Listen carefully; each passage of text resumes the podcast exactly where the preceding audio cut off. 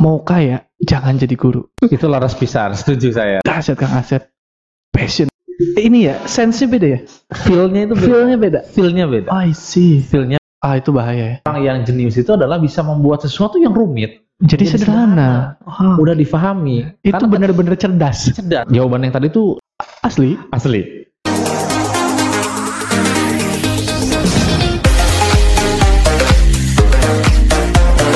Assalamualaikum warahmatullahi wabarakatuh. Waalaikumsalam Alhamdulillah. warahmatullahi wabarakatuh. Apa kabar sobat baik? Kembali lagi bersama saya Yogi Ahmad Fajar di The Podcast The Jabar TV. Woo! tepuk tangan, tepuk Semangat, tangan, tepuk tangan untuk saya sendiri. Alhamdulillahirobbilalamin. Uh, The Podcast episode kali ini kita kedatangan seorang tamu spesial. Spesial karena ini mentor saya. saya perkenalkan Kang Asep Sabaat. Apa kabar Kang Asep? Alhamdulillah, pangestu, pangestu. Alhamdulillah. Kang Asep ini luar biasa, sobat baik. Eh, beliau ini pemerhati pendidikan, guru lah ya Kang ya, guru, Guru ya. guru, kemudian trainer, eh, kemudian pembicara, penulis buku, sobat baik, masya Allah jarang-jarang loh, guru nulis buku. dan aktivis kemanusiaannya, pegiat kemanusiaan di dompet duafa. Alhamdulillah, Kang, masya Allah. Ini tadi saya singgung mentor karena beliau ini mentor saya waktu jadi penerima manfaat beasiswa aktivis, Kang ya. 2000 berapa dulu? 10. 2010 ya di UGM. Ya. Beliau, saya masih ingat, Kang. Ini ya. saya masih ingat. Ada Beliau- bukan? Apa yang masih diingat? beliau ini pernah jadi bukan pernah kan namanya mentor tuh sering ngasih apa namanya tuh training atau capacity building ya bahasanya ya. waktu itu di UGM eh, training value kalau nggak salah Ya. ini yang nempel di saya Kang Asep ini Ya. pernah bilang kalian itu teman-teman aktivis menjalankan segala sesuatu jangankan aktivis ya semua sih ya tapi ini Betul. waktu itu aktivis harus berpassion. Wah passion. Apaan tuh passion gitu? Passion tuh gairah. Kalau kita kan aktivis oh ya passion gairah. Tapi Kang Asep Kang Asep langsung memberikan contoh. What is the meaning of uh, apa tadi? Passion. passion. Eh, seperti ini contohnya apa analoginya? Ya seperti seorang tukang sapu atau tukang Ya. kebersihan gitu. Ya. dia mengerjakan menyapunya itu seperti Beethoven mengubah lagu. Betul. wah langsung di situ saya langsung wait wait wait, wait a minute gitu kan. Maksudnya apa ini tuh atau misalnya kita sebagai seorang Pelukis. peluk bukan apa ah, kita masih sebagai seorang apa namanya tuh ya penyapu Ya. kita menyapu sep- sepenuhnya bekerja sepenuhnya seperti seorang Picasso melukis. Pablo Picasso melukis. Maksudnya apa? Dalam segala hal aktivitas apa pun kita harus sepenuh hati totalitas dan bergairah gitu. Betul. jadi misalkan nih kita ente kalian gitu masih mahasiswa aktivis ya ente jadi aktivis yang harus berpassion katanya. Wah di situ langsung membuat saya woi beneran ini. Jadi ketika seseorang yang melakukan sesuatu aktivitas sesuai passionnya bergairah itu insya Allah akan membuat hasil yang masterpiece. Baik tadi pabrik Picasso membuat lukisan yang Betul. dahsyat kemudian. Beethoven. Beethoven membuat mengubah lagu yang wah sampai sekarang siapa yang nggak kenal Beethoven? Seni musik kita. Dahsyat Kang Asep.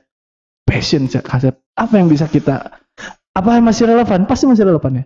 Ya, ini ini cerita Kang Yogi ngingetin saya. oh iya. Satu dekade lalu. 10 tahun yang 10 lalu. tahun yang masya Allah. Ya ini ini saya pikir passion ini di eh, di kita yang hari ini sebagai kita bekerja di mana Ya. kita bekerja jadi mahasiswa atau apa pun juga passion ya ini penting Hmm, Yogi karena apalagi hari ini di tengah kondisi pandemi. Hmm, saya pikir orang-orang yang punya passion pandemi bukan jadi satu persoalan hmm. karena justru menjadi satu tantangan. Ya bagaimana pada saat kondisi normal kita bisa produktif pada saat kondisi extraordinary hmm, yang sebenarnya kita sulit hmm, atau ada banyak kendala untuk bisa produktif, kita malah tetap bisa produktif. Bahkan hmm. untuk beberapa orang malah dijadikan sebagai challenge untuk bisa malah lebih produktif daripada kondisi normal. Nah ini Hmm. ini hal yang luar biasa. Jadi saya ingin mengatakan bahwa passion tadi betul ya. Itu saya jadi luar biasa ya. Mas Yogi masih ingat ya. berarti Yang- nempel ya masih nempel. Dan mudah-mudahan dia dipraktekkan ya. Alhamdulillah Dipraktekkan. Nah, jadi saya betul saya ingin mengatakan betul ingat saya menyampaikan itu penting. Passion ini kenapa? Karena passion itu ada formulanya. Saya belajar dari guru saya. Jadi passion itu formulanya itu meaning kali progress, Kang. Meaning Kali progress. kali progress. Itu apa artinya? Meaning itu kan makna. Ya. Jadi pada saat kita melakukan sesuatu itu ada selalu punya makna. Mhm. Kita punya makna. Jadi Hmm. kita bisa memaknai itu sebagai sesuatu yang hal yang penting dan luar biasa dalam hidup kita. Mhm. Contoh misalnya ada pertanyaan kan pernah ada dengar kan cerita ada tukang eh, buruh bangunan itu lagi nyusun batu bata gitu. Oke. Ada pertanyaan misalkan itu lagi ngapain mang? Nyusun batu bata Hmm. ya saya kerja aja. Memang kerja saya begini. Oh. Nyusun nyusun batu bata supaya jadi rumah. Hmm, Ada yang bilang begitu. begitu. Tapi ada satu lagi barangkali ditanya ada satu ada satu lagi ya si abang akang buruh ini beda ditanya- orang ya, ini beda orang beda orang ditanya Oke. ngapain akang lagi ngapain emang ini Heeh. saya ini lagi membangun peradaban. Nah, kita bingung nanya, Oke. maksudnya apa, Bang? Saya bangun batu bata ini menjadi sebuah sekolah. Jadi saya ingin pastikan bangunan ini bagus. Kenapa? Karena nanti ini jadi tempat anak-anak belajar. Dan kelak mereka akan menjadi orang-orang hebat di masa yang akan datang. Wow. Maka peradaban akan lebih baik karena peradaban yang hebat itu dimulai dari SDM yang hebat. Es. Nah, ini kan beda. Ini ya, sense beda ya? Feel-nya itu beda. Feel-nya beda. Feel-nya beda. I see. feel-nya beda. Jadi eh, itulah meaning. Maka kemudian kita pernah lihat nggak ada orang yang melakukan sesuatu tuh kayaknya nggak ada habisnya tuh energinya. Hmm. Jadi selalu powerful. Ya tentu paham. Makanya kalau guru saya selalu mengatakan bahwa makanya buat kita kita yang muda-muda, kalau kita lelah, ya kita butuh rehat. Hmm. Tapi jangan santai. Rehat, tapi nggak santai. Kayaknya pit stop gitulah ya, pit stop Betul. sejenak gitu. Beda kan? Kalau Hmm. rehat, ya memang secara fisik kita lelah, maka perlu istirahat. Mhm. Tapi kalau santai, jangan-jangan eh, rehatnya keterusan gitu loh. Mas. Terlena. Ayo, terlena jadi Oke. susah banget dan menurut saya itu malah susah untuk naikin lagi level gitu ya Ya. supaya semangat jadi kembali tadi jadi kembali ke passion jadi passion itu meaning gitu Ya. misalnya tadi orang yang kerja orang yang punya passion Kang Yogi apalagi kita bekerja di eh, di sebagai pegiat kemanusiaan Ya. sayang sekali kalau kita kerja kemudian orientasinya adalah hanya untuk mendapatkan pendapatan Hmm. karena saya pikir kalau gitu tidak ada beda dengan orang lain juga yang mendapatkan mencari pendapatan gitu Ya. Maka kemudian orang-orang yang punya passion itu bisa ngerubah makna kerja itu ditransformasi menjadi karya. Hmm. Spiritnya beda, orientasinya bukan hanya untuk kerja mendapatkan sesuatu, tapi kemudian melakukan sesuatu yang bisa memberikan manfaat buat banyak orang. Ya. Itu itu orang yang punya passion. Jadi meaning. Meaning dan kali progress. Progresnya itu adalah kinerjanya atau hasil aktivitasnya. Betul. Jadi orang yang punya passion itu Kang, karena dia pertama melakukannya penuh dengan pemaknaan, dia punya Mhm. makna, maka nanti kelihatan dari ekspresinya itu adalah eh, energinya nggak pernah habis. Ya. Selalu Kayaknya bersemangat. gak capek-capek nih orang Nggak ada ya. capeknya, nggak ada capeknya dan Ya. itu loh ada hal yang pokoknya hal yang luar Ya. biasa. Dia positif, powerful lah. Powerful. Powerful. Nah kemudian satu lagi tadi kali progress. Progress itu Ya. adalah, nah ini penting. Mhm. Orang-orang punya passion itu dia biasanya kalau saya ibaratkan dia itu seperti orang yang naik mendaki gunung gitu. Mhm. Jadi dia itu punya target capaian gitu. Mhm. Ya makanya kalau menurut saya perhatikanlah kita punya saya sebutlah Michael Jordan, Yes. sebutlah eh, orang-orang yang star gitu loh. Ah. Michael Jordan kalau artis Aduh. Kang Yogi siapa Kang Yogi? Atau Artis. yang lain Cristiano Ronaldo. Cristiano misalnya. Ronaldo Hmm. geser ke dunia yang lain misalnya apa ya? Kalau artis peraih eh, award Eh, inilah apa Michael Jackson. Michael Jackson Kalau penyanyi, penyanyi ya, Michael oke. Jackson apalagi ya banyak Eh, lah banyak lah. Michael Schumacher, Schumacher kalau kalau balap Rossi, Valentino Rossi. Valentino Rossi. Nah itu itu orang-orang yang memang tadi dia membalap itu bukan hanya sekedar jadi juara tapi punya sesuatu yang lebih dari itu. Nah, tadi ngomongin passion nih Kang. Berarti sejatinya pendidikan ini kan kita Kang Asif sebagai pem- Ya. pemerhati pendidikan. Tugas atau salah satu tugas pendidikan atau guru adalah memastikan bahwasanya peserta didik itu menemukan passionnya kan, Ya, menemukan apa yang dia sukai, apa yang dia. Jadi sehingga ketika dia ditanya apa cita-cita Anda, itu clear gitu. hmm, Enggak oh, apa ya gitu, apa ya gitu. betul. Nah, tugas atau PR seorang pendidik atau guru adalah membantu mencari passionnya gitu ya. Ya. Begitu bukan Kang? Saya ingin mengatakan bahwa guru itu adalah orang yang membantu eh, dia menjadi jembatan buat masa Hmm. depan anak-anaknya. Ya. Jadi maka caranya adalah membantu anak itu menyadari bahwa dia punya potensi. Hmm. Nah ini yang ini yang ini yang tidak mudah Kang Yogi. Mm-mm. Maka sebenarnya sebelum bisa membuat murid punya potensi, guru juga harus paham dulu dia punya potensi apa gitu. Oh, jangan-jangan gurunya juga nggak passion jadi guru. Eh, Aduh. Nah, itu juga problem problem ya. Jadi kita bisa bayangkan kalau guru-guru yang punya passion itu memang akan lahirlah Mm. anak-anaknya juga yang hebat-hebat. Hmm. Jadi tadi kuncinya betul. Yang pertama adalah anak-anak ini harus eh, guru fungsinya guru dan koordinasi komunikasi dengan orang tua berkolaborasi harus menemukan sebenarnya apa Hmm. menjadi potensi anak. Mhm. Langkah berikutnya adalah diberikan lingkungan yang positif untuk Ya. dia bisa kemudian terus mengembangkan apa yang menjadi passionnya. Mhm. Tadi saya eh, tambahkan yang mining kali progres. Nah, progres itu adalah progres itu Kang Yogi itu bicara soal eh, terjadi perubahan yang signifikan, terjadi perubahan. Jadi Oke. gini, misalnya Kang Yogi senang nulis. Nah, kalau orang yang punya passion itu progresnya Ya. ada progres. Mhm. Misalkan senang nulis, mulai dari nulis diary sampai ke nulis dia bisa publikasi. Ya. Nah, dari segi kuantitas dulu nulis barangkali katakan seha, sebulan itu satu tulisan. Mhm. Tapi kemudian semakin lama tulisannya bisa nambah bisa dua, tiga, empat. Oh, maksudnya progres itu adalah ada peningkatan ya. peningkatan. Jadi Oke. bisa dari segi kuantitas atau Hmm. dari segi kualitas. Dulu tulisan-tulisan dipublikasi dimuat di koran lokal, Mhm. kemudian naik ke level koran-koran regional, sampai ke koran Nasional. nasional, bahkan bisa merilis tulisan Buku. di level buku Oke. dan itu mungkin bisa bestseller di level internasional. Hmm. Nah itu itu capaian. Jadi Iya, orang-orang yang iya. punya passion itu saya, seperti tadi saya bilang itu seperti ibarat mendaki gunung gitu. Hmm. Jadi ada satu titik puncak Yang, Yang harus dituju. dituju gitu ya. BA. Ini beda dengan yang nggak punya passion. Mhm. Kang Yogi itu seperti masuk ke hutan, pinus, pohon dengan tekstur kondisi yang sama. Hmm. Begitu kita masuk ke hutan, kita nyari jalan keluar bingung. Iya, iya. Karena hampir semua sama, yang mana ya keluar jalan keluar. Ah. Jadi saya ingin mengatakan bahwa, mengilustrasikan bahwa Mhm. orang yang punya passion itu ibarat daki Iya. gunung. Ada titiknya gitu. Mhm. Kaki bukit pertama, kaki bukit kedua, ketiga, dan seterusnya sampai puncak gitu. Mhm. Sedangkan kalau yang nggak punya passion, itu tadi. B aja. Dia aja.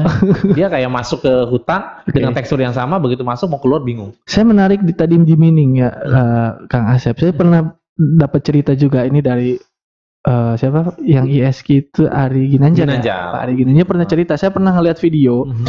Pak Ari Ginanjar eh, ngomongin passion, ngomongin purpose of life gitu, Purpose of Eh, tujuan hidup dan apa sih yang dicari dalam hidup ini gitu. Hmm.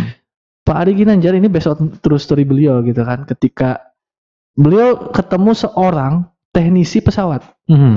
Ya, maksudnya tuh yang di ya mungkin Kang Asep kita pernah naik sama naik pesawat Yes. kan sebelum take off tuh kan ada orang yang benerin baling-baling Cek- gitu, cek cek semua, semua, cek. gitu kan Cek. uh, di panas-panas gitu kan bagi kita oh itu pekerjaannya yang apa namanya tuh pekerjaan inilah ya maksudnya tuh keras gitu fisik gitu jadi Betul. lebih ke Clerical ya. uh, teknikal Sifatnya, gitu, ya. teknikal gitu. Eh, Pak Ari Ginanjar nanya gitu kan, Anda kerja apa? Eh, apa, apa, apa pekerjaan apa? Ke pekerjaan Anda apa gitu? Oh pekerjaan saya ini Pak katanya sebagai yang apa namanya tuh bersihin dulu memastikan bahwasanya pesawat itu eh, gak ada yang salah gitu, ya gak ada yang ini. Wow katanya. Terus eh, Anda senang katanya jadi bekerja sebagai itu? Senang sekali Pak, karena saya yang memastikan, apalagi pas musim haji, saya yang memastikan bahwa para calon jemaah haji akan terbang dengan selamat menuju Baitullah Hmm. dan akan mendapatkan eh, predikat sebagai haji mabrur. Hmm. Wah, Pak Ari Ginanjar merinding gitu. Ya Allah, seorang teknisi, seorang Ya. teknisi seperti itu berpikirnya sampai jauh ke depan gitu maksudnya. Saya adalah orang yang mengantar, yang memastikan calon jemaah haji itu selamat Ya. sampai Baitullah gitu, mendapatkan gelar haji ma- mabrur. Balik lagi ini, itu adalah pekerjaan saya mengantarkan. Nah, Wah, ih, masya Allah gitu kan. Saya juga pas dalam video itu merinding. Bagaimana kita gitu yang pekerjaannya ya bisa dibilang alhamdulillah gitu ya, pekerja nggak nggak sampai panas-panasan.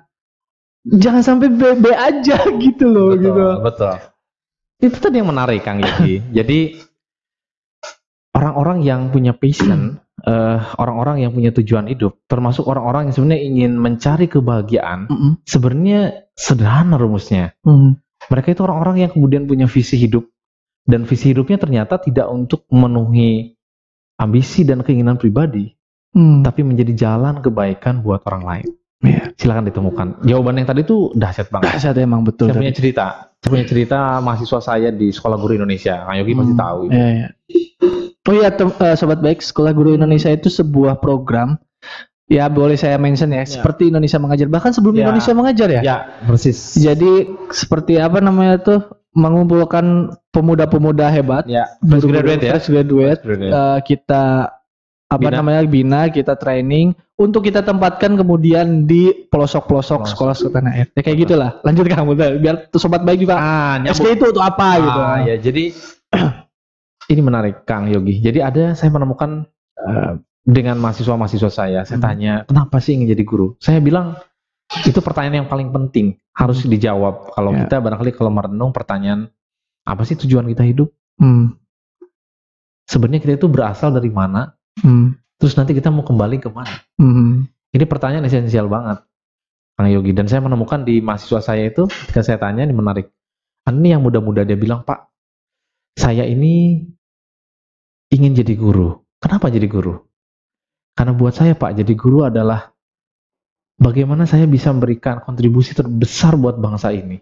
Maksudnya, maksudnya saya dengan peran saya jadi guru, saya bisa melahirkan anak-anak dengan proses belajar, proses Hmm. mengajar, dan proses saya mendidik Hmm. melahirkan anak-anak yang di masa depan mereka menjadi apa pun yang mereka mau pak. Ada yang menjadi presiden Hmm. ada yang menjadi pejabat ada yang menjadi Hmm. pengusaha ada yang menjadi pegiat kemanusiaan apa pun itu Hmm. dan mereka juga nanti bisa memberikan manfaat lagi bagi orang lain Hmm. Nah, ini luar biasa Kang Yogi kemudian saya tanya kenapa anda tidak memilih barangkali ada juga pemuda-pemuda lain yang justru pada saat di kondisi seperti ini lebih enak kondisi kan nyaman kalau disuruh milih kan lebih baik kita di kota tinggal Hmm. tapi ini di daerah loh Iya. Ayo saya bilang kenapa ingin ke daerah padahal kan sulit. Nah di situ Pak saya ingin menemukan bahwa ya kebahagiaan buat saya adalah tadi anak-anak di daerah-daerah punya keberanian untuk bermimpi, Hmm. Punya cita-cita Kang Yogi. Karena banyak Iya. di daerah-daerah itu anak-anak kita kan punya cita-cita Kang Yogi. Iya. Kalaupun juga punya cita-cita barangkali pertanyaannya punya cita-cita mau jadi apa? Ya mereka jawab sangat terbatas.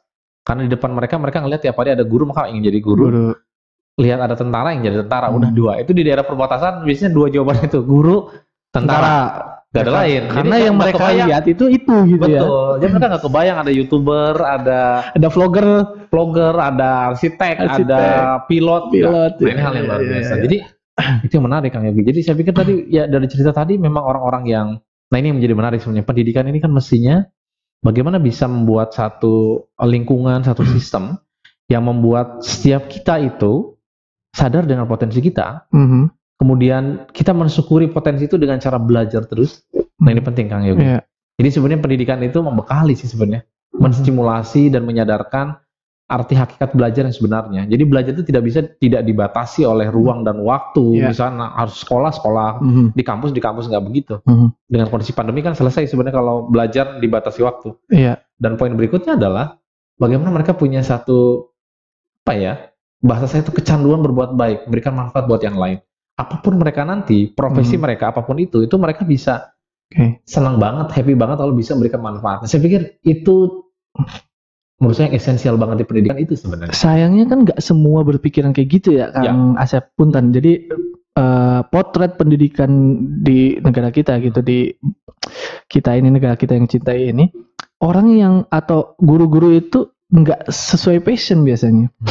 Punten. Jadi wah saya nggak keterima di sana, ya udah jadi guru. Jadi guru tuh kayak pelam- pelampiasan terakhir gitu maksudnya No choice ya. no choice gitu. Ada pilihan Gak ada lain. pilihan lain. Jadi eh, gimana caranya kita bisa meng- mendidik anak menjadi sesuatu yang powerful jadi Nah, gurunya sendiri nggak ada passion di situ gitu. Nah, apa sih pesan gitu bagi apalagi kan sekarang banyak jurusan pendidikan gitu Ya, kan. ya. Ini pesan kepada orang yang udah terlanjur masuk ke jurusan pendidikan terus ya. apa apakah jangan jadi guru atau apa gitu. Saya baca buku, pernah baca buku kan? Your job is not your passion. oh ya itu siapa Rene ya Rene. Nah, your job is not your Ah. passion. Jadi ini juga pesan buat guru-guru memang. Sebaik-baiknya guru adalah memang sejak awal dia punya visi tentang hidupnya. Memang Hmm. salah satunya adalah mengambil peran menjadi guru. Dan tadi Kang Yogi yang paling penting berikutnya adalah pilihan menjadi guru adalah pilihan sadar. Ais. Saya selalu bilang ke anak-anak, saya bilang ke mahasiswa-mahasiswa saya, hmm, ilmu menjadi guru itu bisa diwariskan. Hmm.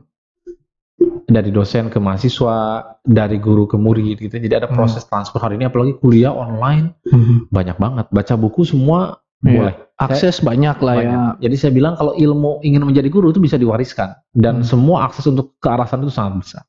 Tapi ingat satu hal bahwa ruh Anda menjadi guru itu nggak bisa diwariskan. Hmm. Ruh, Ruh menjadi guru itu nggak bisa diwariskan. ruh menjadi guru. Beda. Saya ingin Hmm. mengatakan gini Kang Yogi, saya punya pengalaman dulu mengajar. Saya Hmm. ngajar di sekolah-sekolah standar nasional. Hmm. Saya nggak dapat feel-nya, saya nggak dapat ruhnya. Saya Padahal standar nasional. standar nasional. Jadi saya ngajar ya bersemangat, tetap semangat, tapi kemudian ruhnya nggak dapat. Barangkali saya merasa bahwa lingkungannya beberapa hal saya melihat ada lingkungan yang seperti ini otokritik. Eh, saya bilang ini otokritik. Kalau saya jadi guru, saya biasanya dulu eh, paling menghindari kalau di ruang guru ada diskusi-diskusi yang sebenarnya mohon maaf malah jadinya fitnah, Oh, gibah, Gibah gosip ya, kalau sekarang gibah. itu menurut saya kurang produktif. Saya biasanya pasti ngindarin ruangan-ruangan yang kira-kira Ya. cenderungnya ke arah sana. Negatif lah ya. Negatif. Aura negatif. Saya lebih senang cenderung ngobrol masuk ke ruangan diskusi yang kira-kira malah tadi banyak eh, diskusi Produktif ya. produktif. Bagaimana kita menyelesaikan persoalan, kita punya persoalan, atau kita mendiskusikan banyak persoalan yang hadapi anak-anak kita, murid-murid kita, Hmm. atau kita punya ide kreatif apa supaya kita bisa semakin eh, peran kita sebagai guru itu makin Hmm. berkembang. Misalkan bisa nggak ya kita bikin podcast gitu loh? Ah iya. guru-guru bisa nggak kita bikin buku bisa nggak kita bikin modul bisa nggak Hmm. kita bikin riset apa pun itu nah itu Hmm. menggairahkan dan kalau saya belajar dari sensei-sensei yang di Jepang saya belajar banyak mereka itu ya eh, ruang-ruang diskusi ruang guru itu memang produktif Hmm. untuk membahas bahkan mem- mempertanyakan hal-hal yang memang itu ada kaitannya dengan pengembangan diri mereka. Nah ini poin yang paling penting. Hmm. Jadi eh, saya pikir eh, itu hal yang menarik sebenarnya hari ini. Ya. Jadi eh, kembali tadi bicara soal passion ya itu itu hal yang harus dibangun sebenarnya. Dan bahkan ah, ini pengalaman lagi ya Kang Asep ya. Guru yang passion itu gampang kok kelihatannya. Maksudnya dia pasti diingat oleh murid-muridnya. Hmm. Contoh nih, mungkin Kang Asep punya guru yang bagi Kang Asep sangat-sangat eh, tidak bisa dilupakan dalam hidup Kang Asep. Ya, Eh, Maksudnya tuh bener-bener eh, ini banget tuh, impresif banget bagi Yes. Kang Asep. Jadi terngiang-ngiang gitu. Saya juga sama gitu. Jadi ketika terinspirasi ya. terinspirasi, Dan kita- inspiring gitu. Tanpa kita sadari kita ngikutin alur Yes, jalan hidupnya gitu. that's it. Ada po ada value apa yang itu betul-betul nancep kita ingat banget dan kita juga melakukan itu kan. Bahkan cara ngomongnya juga kita turutin. Ah.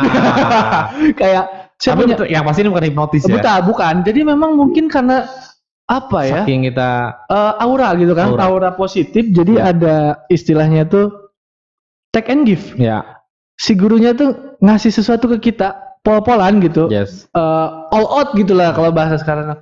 Dan kita juga nerimanya juga all out. Jadi kita tuh langsung, wah, thank you banget pak, lu keren banget nih, inspiring banget bagi gue. Ya. Dan itu alhamdulillah silaturahminya sampai sekarang masih masih. Jadi ketika saya eh, bisa bisa kayak saya misal, oh ente kok bisa ngomong di depan publik pede amat gitu, saya mah gereg apa?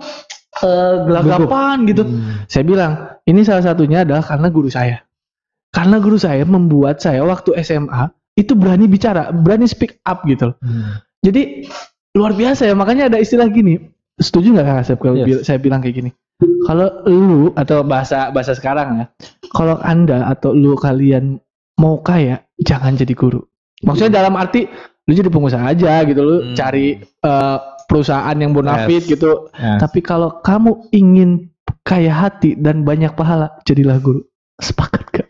Karena bayangin Kang Asep ya, itu tadi guru saya aja yang di SMA banyak tuh saya sebutin ya. Semoga Allah merahmati beliau-beliau Amin, ini, amin, Pak amin. Iin, Pak Ilham, Yes. Bu Anden gitu, Pak Aib itu kan orang-orang yang menurut saya guru-guru inspiring banget. Jadi bahkan ketika saya ngomong eh, tadi ada yang nanya tadi, Gi, lu kok bisa bisa bisa menulis, lu bisa speak up dan lu bisa apa kayak gitu-gitu? Ya karena guru saya. Berarti itu kan amal jariah beliau-beliau itu Ya. Kang Asep gitu loh. itu laras pisar setuju saya setuju Dan Pak pasti Kang Asep juga seperti ini ada role model dulu Ya. waktu sekolah atau gimana gitu ya Kang Asep ya. sekolah ada guru-guru luar biasa kang saya eh, dulu punya guru yang sangat disiplin kang Mhm. saya terbentuk karena pola pola asuh juga sama ibu waduh saya ibu sama ibu luar biasa lah Ya. zaman dulu saya kan dulu ngaji ya setelah sholat asar itu wajib mandi harus ngaji. Oke. Kalau enggak wah dahsyat itu. Spread ya. Spread. Dan buat saya hari ini yang itu senang saya karena mungkin kalau hari sekarang itu keras itu ya kasar, tapi Hmm. menurut saya keras barangkali ya. Tapi buat saya itu adalah bentuk perhatian. Mhm. Dan saya dibesarkan dalam situasi yang memang tadi ditempa dengan kondisi yang memang harus fight. Fight. Disiplin saya belajar dari ibu. Eh, ada guru juga saya yang itu juga sangat disiplin dan orangnya sangat cerdas ya. Mhm. Cerdas itu beliau itu pandai menyampaikan gitu Kang Yogi. Jadi kalau kita belajar matematik yang susah, beliau itu bisa membuat sesuatu menjadi sangat mudah, sederhana. Mhm. Jadi kita mudah memahami. Kan hari ini barangkali ada yang mikir ciri-ciri jenius itu adalah kalau kita menyampaikan sesuatu orang bingung. Iya. Buat saya enggak enggak begitu. Justru Ah, oke. orang yang jenius itu adalah bisa membuat sesuatu yang rumit Jadi Jadi sederhana. Wah, mudah difahami. itu benar-benar cerdas. cerdas. Karena ketika orang ketika kita menyampaikan sesuatu ke orang, orang mudah memahami Hmm. karena kita bisa menyederhanakan hal itu dan kemudian dia bisa mengembangkan ilmu itu dan mempraktekkan menjadi sesuatu yang bermanfaat buat dirinya. Nah, Hmm. lagi-lagi kan ada di situ jariahnya itu ada gitu. Ah. Mudah-mudahan kebaikannya dan dasarnya guru makanya ngajarin alif, ba dan Hmm. kemudian itu dipahami, Hmm. diamalkan, diajarkan lagi ke banyak orang, ke anak-anaknya, ke Hmm. murid-murid yang lain. Itu yang luar biasa Kak Yogi. Makanya. Saya punya kesan satu lagi menarik. Ini almarhum dosen saya. Saya punya dosen satu, beliau kelahiran dari Ambon. Mhm. Beliau itu yang mendidik saya punya kemampuan menulis uh, artikel. Hmm. Jadi beliau bilang bahwa dulu kalau mau nilai A dari saya gampang. Oh, gimana pak caranya pak? Anda berani nggak bikin paper makalah, kemudian tampilkan di presentasi seminar nasional? Saya dulu Itu men-challenge ya, challenge ya. Beliau Challenge, challenge. challenge. Hmm. Jadi saya ngelewatin beyond itu, Mas Yogi. Memang beliau na- bilangnya kalau dapat A dari saya mudah. Saya Hmm. bilang ternyata nggak semudah itu ya. tapi saya tertantang untuk baik Pak, Ah. saya mau. Tapi pertanyaannya, Bapak mau nggak bimbing saya? Hmm. Oke, saya mau bimbing nggak itu. Oke. Itu almarhum Pak Cornelius Jacob. Hmm. Beliau orang Ambon. Beliau itu beliau cerita, beliau selalu bilang, kenapa tangan, kenapa jam tangan saya ini saya di kiri. Beliau bilang, ada yang tahu kenapa jam tangan saya saya simpan di kanan? Hmm. Kata beliau, karena ini adalah prinsip. Beliau itu orangnya sangat disiplin. Hmm. Jadi kalau beliau janjian, bukan bukan hanya dengan kita, janjian dengan istrinya, Ya. telat satu menit itu ditinggal. Asli. Asli, asli. Oi. Itu saya terkesan dengan beliau. Dan beliau selalu datang jauh sebelum waktunya. Jadi kalau kita kuliah jam 7 ya setengah 7 udah standby. Oh. Jam 9, jam setengah 10, jam 9 udah standby. Ya. Poin pertama. Yang kedua Kang, beliau itu produktif sekali menulis. Hmm. Jadi jadi kalau beliau menulis selalu dua paper itu dua bidang pendidikan matematika dan beliau spesifikasi di aljabar. Mhm. sangat produktif sekali. Nah, saya bilang kenapa bapak bisa seperti ini? Dia bilang saya punya kecintaan terhadap ilmu, Well, passion lah. Balik lagi, balik, balik lagi lah. passion ya, passion lagi. Beliau passion mengatakan, lagi. Saya bapak ini orang kampung, Mhm. tinggal di pelosok desa.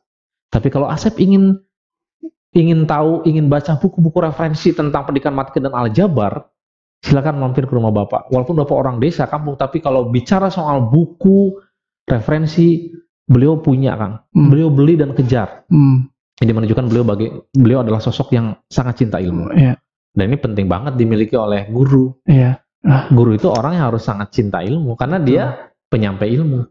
Bagaimana kita bisa menyampaikan ilmu pada orang lain sedang kita tidak cinta ilmu? Nah ini sesuatu yang ah, itu dahsyat banget lah. Dan saya punya cerita lagi. Kalau ini ngomongin pendidikan tuh pasti banyak ya. Banyak Karena banget. saya juga eh, keluarga saya juga keluarga Guru. guru. gitu. Kakak saya guru, kemudian kakek saya eh, guru. Dua-duanya kakek saya Eh, inilah kiai lah dulu. is- Iya. eh, di punya pesantren dulu. Satu lagi juga guru. Jadi memang DNA-nya guru ya. Dana guru. Tapi saya nggak bukan guru. tapi saya seneng sharing kang. Ya. Saya seneng Ya. eh, istilahnya itu berbagi gitu. Ya. Berbagi kepada kayak, kayak saya kan dulu jurusannya bahasa Korea, UGM Korea sastra dulu. Korea, UGM. Saya pernah private eh, ke ya waktu zaman-zaman kuliah kan saya nyari-nyari inilah ya nyari-nyari tambahan Ya. mahasiswa gitu jadi Sama private lah. gitu. Pengalaman sama itu ya. Saya juga merasakan ternyata yang benar kata ketika kita ingin belajar sesuatu tuh justru ketika mengajarkan Ya. itu kita belajar lagi gitu. Itu ada sesuatu yang kita dapat karena itu tadi hukum take and give kali ya Kang Asep ya. Iya. Ketika kalian kita itu ngasih sesuatu, insya Allah ada dapat juga ke kitanya gitu. Betul. Jadi ini yang disebut dengan ada ah dia pernah dengar istilah teaching to learn, learning to teach. Mhm. Jadi mengajar itu untuk belajar, Iya. belajar itu untuk mengajar. Mhm. Jadi maksudnya gini, teaching to learn, kita ngajar untuk belajar. Kang Yogi, saat kita mau ngajar, kita itu kan harus yang pertama menguasai konten. Mhm. Yang kedua, kita harus memahami siapa yang akan kita ajarkan. Betul. Maka itu adalah syarat yang harus dipenuhi. Jadi Hmm. bisa jadi misalnya saya punten, saya juga punya guru-guru yang cerdas, dosen yang hebat, cerdas sekali. Tapi beliau tidak memahami tentang siapa yang diajarnya. Audiensnya siapa gitu? Karakternya kayak gimana gitu? Betul, misalkan, makanya kan kita pernah lihat, oh sering lah. Misal ada dosen saking pinternya, dia itu kan jadi ngobrol sama papan tulis. Ya, Wow, nurunin rumus, membuktikan sesuatu, kita di Ya. belakang nggak ngerti. nggak ada dialog. Nggak ada dialog dan nggak ada pertanyaan. Anda paham? Apa yang tidak Anda pahami? Mhm. Nah, saya senang banget tuh kalau guru-guru yang dosen yang menyampaikan sesuatu, bahkan dia tak paham. Mhm. Jadi maksudnya gini, ketika ngelihat ke siswa mahasiswa A atau siswa A, dia pakai pendekatan pendekatan A saya katakan. Mhm. Ke siswa yang kedua dia pakai pendekatan B, Mhm. yang ketiga pakai pendekatan C. Kenapa? Karena dia paham betul. Iya. Seperti gini lah Kang Yogi, kita tahu bahwa ada anak yang nilainya selalu jatuh, lemah dia dalam kondisi pelajaran matematik. Mhm. Nah kalau kita pakai standar normal Kang Yogi ngasih tugas, Oh ngasih iya. PR, Disamaratakan. disamakan levelnya, pada level katakan levelnya level ada level yang normal. Jadi Hmm. ada anak yang barangkali di level normal, dia itu udah selalu drop nilainya. Mhm. Maka kan kalau guru yang nggak memahami karakteristik anak, Hmm. ya dia kasih ya biarin aja memang anaknya sudah begitu. Yang penting udah saya tugas ngajar udah selesai gitu. Betul. Tapi kalau guru yang cerdas, Mhm. dia memahami karakteristik anaknya, maka dia Kang Yogi nah ingat, penting yang namanya membangkitkan kepercayaan diri. Hmm. Dan ini saya praktekkan. Jadi level kesulitannya saya turunin Kang Yogi. Ke khusus ke si anak itu. Khusus ke anak itu. Hmm. Jadi ketika anak yang nilainya selalu 4, 5, 4, 5 yang itu menunjukkan level pemahaman dia, maka saya nggak kasih level pertanyaannya yang katakan level kan kalau pertanyaan itu ada yang level sulit, Advance itu ya, Mudah. mudah. dikasih sedang sedang sedang dia nggak kuat, maka untuk bangkitkan kepercayaan diri dia, turunin levelnya ke mudah. Oh. Bikin bahasa- dia sampai kan Bahasanya apa ya? Meningkatkan mental. membangkitkan kepercayaan Oh iya, membangun, mental. membangun mentalitas. Ah, benar. itu penting nah kan kebayang kalau dikasih terus aja nilainya nanti dia ngeliat 4, Ya. 4, 4 dia akhirnya kemudian mengambil kesimpulan bahwa memang saya ini bodoh Ah, itu bahaya ya. Nah, kalau guru yang cerdas, dia memahami bahwa itu Hmm. berbahaya untuk si masa depan anak. Jadi, dia bikin kondisi, Ya. pengkondisian apa pun itu, memberikan soal yang levelnya mudah, Hmm. levelnya jauh di bawah standar, untuk yang Ya. memang tidak akan selamanya, tapi kira-kira tujuannya untuk bangkitkan kepercayaan diri. Pada saat dia sudah percaya diri, nanti ada tahapan berikutnya. Ini ini pengalaman saya, Mas Hmm. Kang Yogi, dan menurut saya, ya ternyata ajaib ya. Anak-anak yang awalnya memang, saya bilang, dulu kita anggap mereka tidak mampu, Hmm. tapi ketika bisa kita bikin satu lingkungan yang membuat bangkitan dulu kepercayaan diri dia, Hmm. dan kita bantu dia memiliki satu kemampuan, ternyata fitrahnya dia berkembang. nih. Iya. Jadi kalau ketemu anak itu ketemu dengan potensi, dia paham sadar potensi, dia punya kemauan untuk mau belajar terus mengembangkan Mhm. potensinya, itu memang ternyata ada atau tidak ada guru, ada tidak ada kita, itu dia malah fitrahnya akan Fitrahnya terus akan terus. Kuncinya Iya, adalah menemukan itunya tadi ya. Ya. Eh, gitu dan di istilahnya menemukan guru yang tepat juga Betul. gitu. Jadi makanya selalu ada yang bilang bahwa tidak ada tidak ada tidak ada murid yang bodoh. Ah iya. Yang ada adalah ya tadi murid yang dia belum rezeki ketemu guru yang memahami Memahami. memahami. Masya Allah. Kang Asep nggak kerasa ini kita. Cepat ya. Udah 30 menit. 30 menit. Tapi nggak apa-apa luar biasa. Udah daging semua ini teman-teman eh, di Mudah-mudahan bermanfaat ya. eh, sobat baik. Insya Allah bermanfaat ini. Wah. Daging banget. Anyway, jangan lupa teman-teman men-subscribe, subscribe, kemudian like, share, komen Oh. gitu ya di kolom komentar kita di The Podcast di Jabar TV. Ini masih baru, kita baru beberapa episode. Doain ya Kang. Asep, semoga Siap. ini kita memberikan. Sekali-kali saran saya eh, undang guru, Iya, siap. guru berprestasi misalkan. Ah, ya. Karena kemarin saya ketemu guru ngobrol, Heeh. beliau asal Makassar menjadi guru di Jayapura di Papua. heeh. Hari ini tahu ada di mana? Di mana? Di Finlandia. S2 atau kuliah lagi? Ya, dia lagi ambil studi. Coba padahal di pelosok. Jadi kesimpulannya tidak ada tidak ada siapa pun latar belakangnya mau dia dari kota, Hmm. dari desa, latar belakang ekonomi orang kaya, orang miskin. Ya. Kalau menurut saya eh, itu bukan jadi satu hal yang kemudian seolah-olah nutup nasib kita. Ya, Justru nasib kita itu bergantung pada ya diri kita. Eh, menemukan kenali potensi dan yang paling penting adalah tidak pernah berhenti belajar Kang Yogi. Iya. Orang-orang punya passion ingat tadi Mhm. meaning pada saat belajar dia memaknai itu sebagai sesuatu yang Iya. uh, powerful, Powerful. sangat joyful, Mhm. sangat meaningful gitu. Iya. Mhm. Dan dia nanti punya progres karena punya target standar-standar yang dia naikin standar level kemampuan dia dan Iya. Saya pikir itulah orang-orang yang berbahagia itu tadi Eh, saya ingin mengatakan bahwa orang-orang ini orang-orang yang menemukan diri jati dirinya Iya. dan dia belajar terus berkembang Mhm. dan di satu titik tertentu ah, dia menyadari bahwa sebagai ungkapan rasa syukurnya karena dia bisa berkembang bisa mengelola potensi dirinya dia akan memberikan apa yang dia miliki yang terbaik Hmm. yang dia miliki untuk memberikan manfaat buat banyak orang Dahsyat emang itu. ini di mana pun di posisi apa pun itu yang luar biasa Di berbagai profesi bidang apa pun ya. kita pasti akan menemukan orang-orang seperti itu Nah, tadi tadi kita bahas let's say kayak Michael Jordan, Michael itu kan sesuatu tuh. Bahkan saya pernah eh, pernah me- mendengar cerita gitu bahasanya Michael Jordan itu saking passionnya sama bas- Hmm. bola basket, dia tuh sehari bisa latihan free throw Iya. hampir seribu Ribu. Free gagal gagal 199 dia ulang dari awal ya Iya, itu kalau kita pasti kalau kita mah udah nggak apa-apa lah 500 anggap aja 1000 kan nah iya. jadi memang ya Jadi memang ingin menjadi the best ya progress gitu kan, progress progress terus. prosesnya Prosesnya. dilewati dan tidak ada sesuatu yang instan. Hmm. Selalu orang-orang yang berhasil yang dia pasti eh, ditempa oleh banyak kesulitan, Kang Yogi. Ini penting. Jadi Bukannya menderita ya, tapi eh, menghadapi kesulitan gitu ya. saya ingin mengatakan bahwa penderitaan itu mungkin bagi beberapa orang penderitaan itu sesuatu yang dihindari, tapi Hmm. justru bagi orang-orang yang berhasil, nah ini penting dalam konteks pendidikan.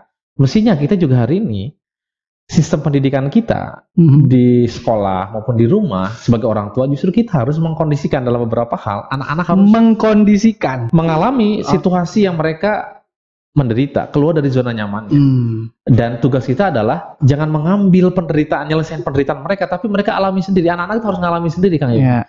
dengan mereka mengalami sendiri mencari solusi sendiri tugas kita adalah mendampingi tidak mengambil mengambil alih itu dalam konteks nyelesain masalah jangan tapi jadi teman supaya dia bisa analisa identifikasi masalahnya apa dan dia Hmm. tahu alternatif solusi masalahnya apa dan dia lakukan Hmm. mengambil tanggung jawab untuk menyelesaikan masalahnya Hmm. nah itu yang disebut dengan adversity quotient Apa tadi? adversity quotient Adversity. kemampuan dia untuk bisa survive Ah, Oke. jadi dalam situasi sulit apa pun di masa yang akan datang karena dia sudah terbiasa Oke. Udah tough gitu ya. Ah, udah udah biasa gitu. udah biasa jadi ada masalah lewatin ada masalah lewatin Lewatin. dari setiap masalah dia belajar sesuatu itu penting. Oh, jadi itu ini termasuk ilmu parenting nih sobat baik. Jadi sebenarnya bahwasanya ya, saya kan udah punya anak nih, Kang Asep ya baru bang umur tiga tahun. Jadi kita jangan melulu ya kayak gini ya simpelnya eh jatuh gitu. nah Malah nyalahin batu. nah itu contoh Ayo gitu.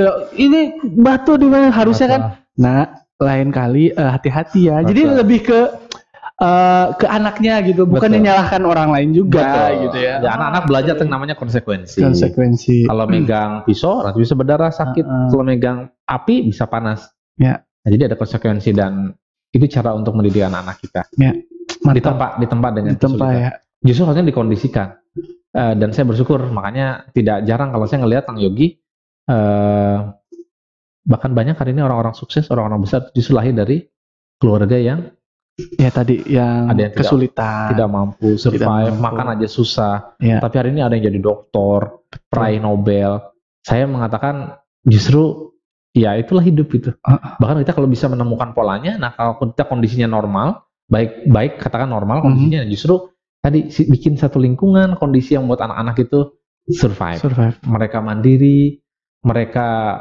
jadi seorang pemikir kritis pemikir menjadi problem solver nah ya memang pilihannya harus dikasih lingkungan yang buat mereka ada berhadapan dengan masalah Ya. dan mereka selalu berproses belajar mengatasi masalah Dan kita nggak ninggalin kan, tetap kita, eh, Kita dampingi, menemani, Menemani, tapi kita nggak ngambil alih itunya Nah, gitu ya. kalau kita ambil alih ya kita Ya. ingin mengatakan itulah bentuk kita sayang pada anak-anak padahal sebenarnya Hmm, kita sedang menjerumuskan anak kita Ya. untuk kita jadi susah karena kan persoalan di masa depan makin kompleks betul. ketika anak-anak sudah terbiasa mengatasi persoalan nah justru poin pentingnya adalah kita sedang menyiapkan anak-anak untuk survive menjadi Mandiri. seorang problem solver Problem solver. Ah, Oke, masya Allah. Wah, seru banget ini. Aduh, kapan-kapan datang lagi. siap Asep. Tapi kita undang karena- guru-guru juga tadi kami Betul, betul. menarik Eh, thank you for coming Kang Asep hatur nuhun pisan yang sudah datang Sami-sami. ke the, podcast The Jabar. TV. Sukses terus ya. Sukses Podcast terus. Jabar ya. Salam buat keluarga di rumah. Kang Asep ini hatur tinggal di Bogor ya. Kang? Bogor, kota Bogor. hujan ya. Kota Hujan. Jojo ke Bandung ke Ya. untuk the podcast sobat baik luar biasa. Tadi sekali lagi jangan lupa subscribe, kemudian komen, like and share the Jabar TV. Follow juga IG-nya the Jabar TV at the Jabar TV. Insya Allah kita akan selalu memberikan eh, informasi mengedukasi dan menghibur karena insya Allah juga kita ada beberapa Betul. konten yang menghibur juga. Bismillah. Semoga Allah meridhoi kita semua. Amin. Kang Asep. Tutup. Wassalamualaikum warahmatullahi wabarakatuh. Waalaikumsalam warahmatullahi wabarakatuh.